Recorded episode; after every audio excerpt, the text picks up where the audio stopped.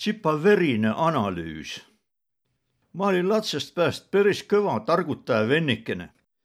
kevääjalt, kui kikka oma edimast lahingut pittiva, ronisin ma kohegi korgembale kotussele ja analüüse ütevaid tõse võiduvõimalusi. analüüs, tuu on naabrimehe käest kuultu sõna pealt tuud, kui ta brigadiris sai.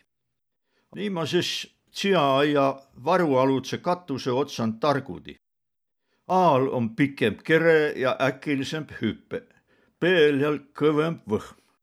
süvä oli mõlemba ütemuudu kasinale saanu, villal veidi. Määntsegi ao pärast tundse AR, et võhm nakkas otsa saama ja taganesi nuka takka. mu katusse vahitorn oli nüüd mõttetu ja ma hüpsi alla. kuna jala oli paljas võtnud, siis hüppsime paksu mua ja tsiasita segu sisse. muidu läks kõik hästi, aga üks jalges tuleb mua seest välja ja vallusel kah. kibe näo pärast oli mul selge, et oli hüpanud vanast lauast läbi lööd nagla otsa. nagla rossitanu ots oli päris pikalt jalast läbi ja vahti mulle tuimalt otsa. proove siis jalga laua küljest üles nõsta, aga laud tuli üten lätski mul vaiatud analüüsi, millest naabrimees kõnel. Pääleki oli tollega päris kipe, kuna tsiga oli juba verelõhna tundnu ja nakkas otsma, et vast saa kah suudäve.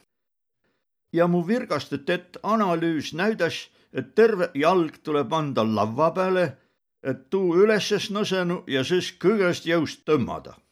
nii teigi ja sai sealt eluga tulema.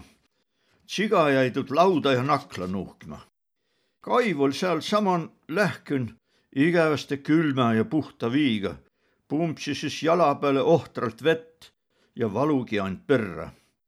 Mäntsegi puhtamba nartsuga köödi jala kinni ja ai kalluski otsa. maha toeda muidu es saaku ainult kuntsa peale.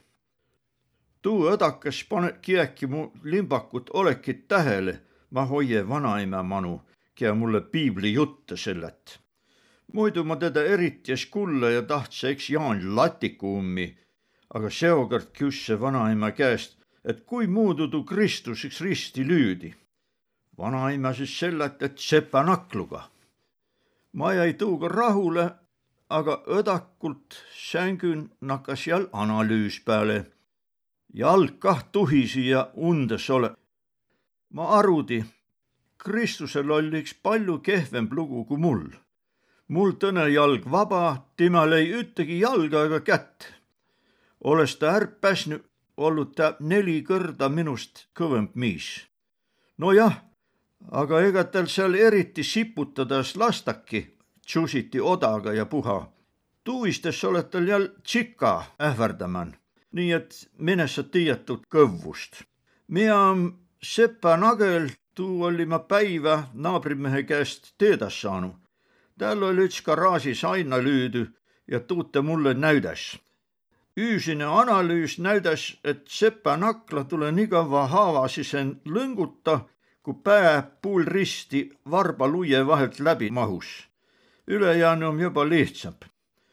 lõpus jõusime välja mõtelda ka Kristuse ristisurma tõelise põhjuse. puusepa pojales olen määnestki analüüsi tiid, kas tol aol säänest sõnnagi ol, kolhoosi kõrdanel niikuinii es ole. tuu mõttemann tul mul uni.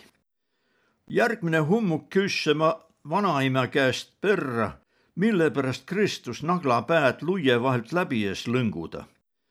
vanaima vastas, teda esäes lupa, et muidu ei tule lunastusest midagi välja. ah jah, minnu kah esäes lupa enam sinna katuse otsa naabrimees oli kurtnud poiskõne lah katusse är, edespidi vahemaa kikkid suure toomepuu ossa pealt. ime küsse tõse päeva õdakult, milles ma limpa. vastsi käügi pealt ilma igasuguse analüüsimiseta Artur Rinne sõnuga, et lõi varba vasta kivvi. Rinne oli tuugart nagu väiku jummal Eesti rahvale ja teda usk see ime kah nii mõnigi meedik tat lukku on kuulnud, arvas, et ma võlsi ja nakkas seljatama pisilastest ja klostriidiumest ja teetanusest, eriti kaitse süstmisest. ütelema ütli, et uma hoovi tsiga ja uma pisilase nime ummi ei putu. är pahasi, inämb mukkas kõnele. varsti kuulide ärki rahudima põrmule.